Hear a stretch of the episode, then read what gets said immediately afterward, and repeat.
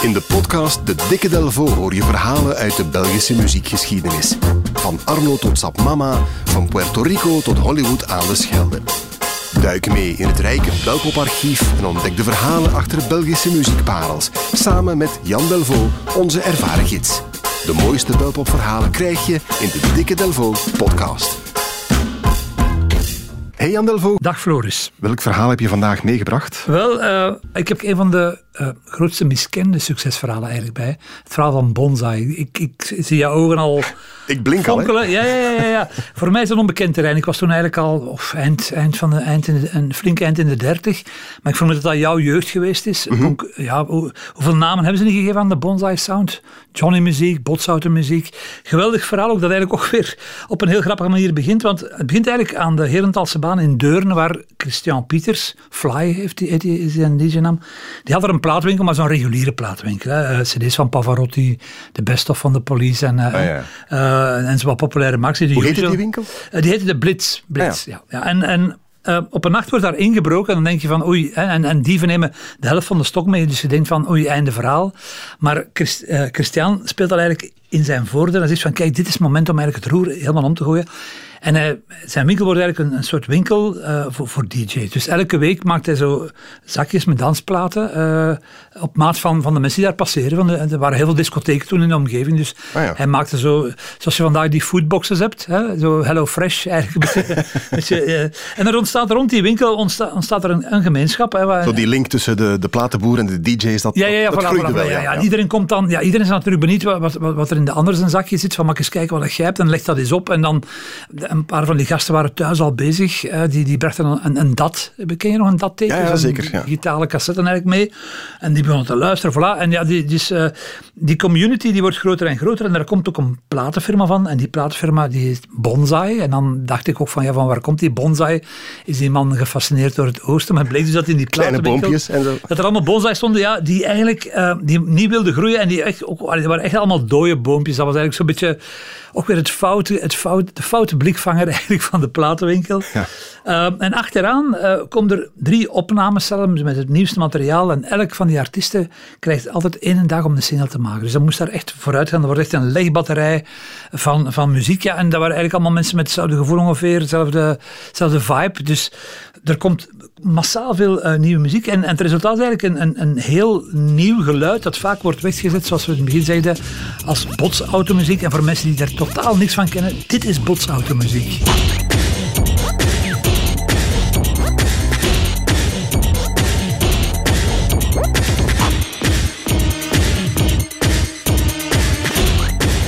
E-Mission van Stockhausen. Ik denk de eerste release ongeveer op uh, Bonsai. Ja. Ik weet in die tijd, ik vond dat vreselijk. Dat was helemaal mijn scene niet, maar ja, nu zoveel jaren later heb ik er wel iets mee. Zo. Is dat klassiek geworden eigenlijk? Ja, de, de radio draaide dat toen echt niet. De, de, de pers weet dat dood. En zelfs bij de andere dancelabels keek maar raar op van wat zijn, die, wat zijn ze daar ook toen in, in deuren eigenlijk. Maar jonge mensen waren echt zot van dat gebok. Dat was hun, hun sound, hun geluid eigenlijk. En dat is ook denk ik de kracht eh, van, van, van bonsai, zo die energie die daarin zit. Uh, en dat nieuwe geluid, ja, verovert ook heel snel uh, de dansvloer. Het was ook op het moment dat het discotheekcircuit vandaag dat eigenlijk dood en begraven. Ja.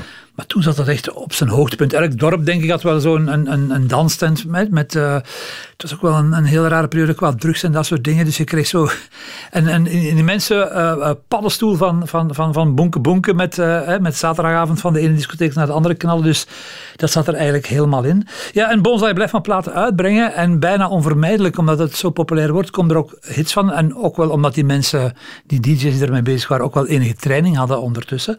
En dan komen de eerste twee classics uit. De First Rebirth van Jonathan Stevenson, maar vooral deze van Thunderball, denk ik, is bij iedereen van rond de 40 uh, uh, zeer, zeer bekend. Hey, I know, Mantronic is really great, but my style is much better. Better. Better.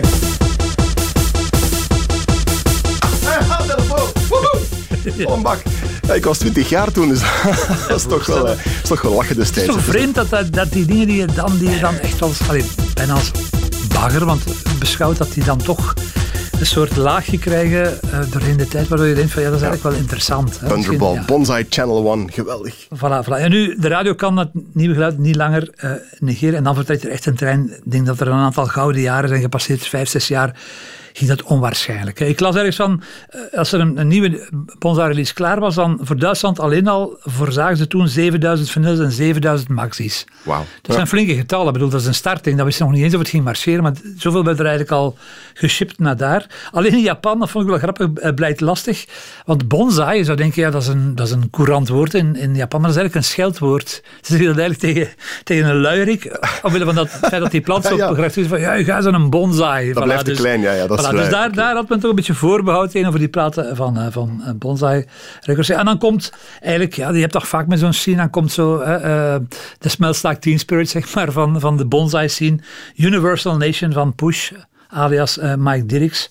Nummer uit 1998. En ja, dat wordt echt een veelverkoper. 500.000 stuks of zoiets. Ja. Op 300 compilaties. En ik denk dat al zes of zeven jaar op rij staat het op nummer 1 in The Greatest Switch. De jaarlijkse lijst met de beste dansplaten van Studio Brussel. Mhm. Dus dat is echt wel, ja, dat is, eh, ik denk zes of zeven jaar geleden was dat bij 90% van de mensen onbekend. En nu hoor je dat eigenlijk op elk feestje uh, bijna uh, passeren. En wat ook bijzonder goed draait, is alles wat, wat merchandise is. Hè. Ik denk, uh, zo van die slipmats voor, voor DJ's, die kunnen ze niet aanslepen. Dat is altijd een bestseller. Ja. En ik vond één... Ik heb die. Ja, voilà, kijk, kijk. Ja, ja, voilà, voilà. En ook de t-shirts. Uh, ik las ergens een cijfer, ik weet niet of het een totaalcijfer is, maar 700.000 t-shirts met logo van Bonsai, het zou best wel kunnen. Dat is echt zeer, zeer, uh, zeer, zeer cool geworden. En dan denk je, ja, dat blijft dan lekker doorlopen en het geld wordt opnieuw geïnvesteerd. Ze bouwen dan daar aan de Herentalse baan in Deuren, waar het allemaal begonnen was, komt een nieuw complex met studio's, met kantoren, twee winkels, een grote parking. Maar het tij keert plotseling aan het einde van de jaren 90. Het nieuwe is eraf voor een deel. Die megadiscotheken-hype is ook een beetje over, uh, over zijn hoogtepunt heen. De platenverkoop stuikt in. Je krijgt Napster en al die andere dingen. Dus dat is ook al zeer moeilijk. En op een paar jaar tijd gaat de omzet, de jaarlijkse omzet van, van 2 of 3 miljoen euro naar, naar een paar honderdduizend. En in 2003 worden de boeken neergelegd van uh, Bonza Records. Maar de stichters gaan dan onder een nieuwe naam door. En vandaag is nog altijd een, een, een zeer actief label met alles wat erna gekomen is trans, uh, progressive is dat ook, vooral al die dingen zijn ze nog altijd heel fel uh, mee bezig. En zoals jij ook al aangaf daar straks, de perceptie rond de muziek is, is heel hard veranderd. Ik denk ook wel met al die mensen die daartoe mee bezig waren, hè, die bonke-bonkers zijn ook al veertigers, zijn mhm. huisvaders. Telke maal er iets opnieuw wordt heruitgebracht op vinyl, verkoopt dat eigenlijk waanzinnig goed. het zijn ook klassiekers geworden. Ja, ja voilà, je ziet je ook in films en, en, en, en zoals ik net al zei, Studio Brussel draait dat dan. Dus Bonsai is eigenlijk cult geworden. is bijna kunst, eigenlijk bijna, bijna, bijna kunst geworden. Uh, de stichter zei, ja, dat is de 25 jaar regel. Als je 25 jaar bestaat, dan ben je established, dan behoor je er eigenlijk bij. Established. Ben jij al 25? Ik ben al, uh, ik ben al dubbel, ik ben al drievoudig established. okay. Haal gewoon het jongste in jezelf naar boven, Jan. We gaan ons eens laten gaan op Universal Nation van Push.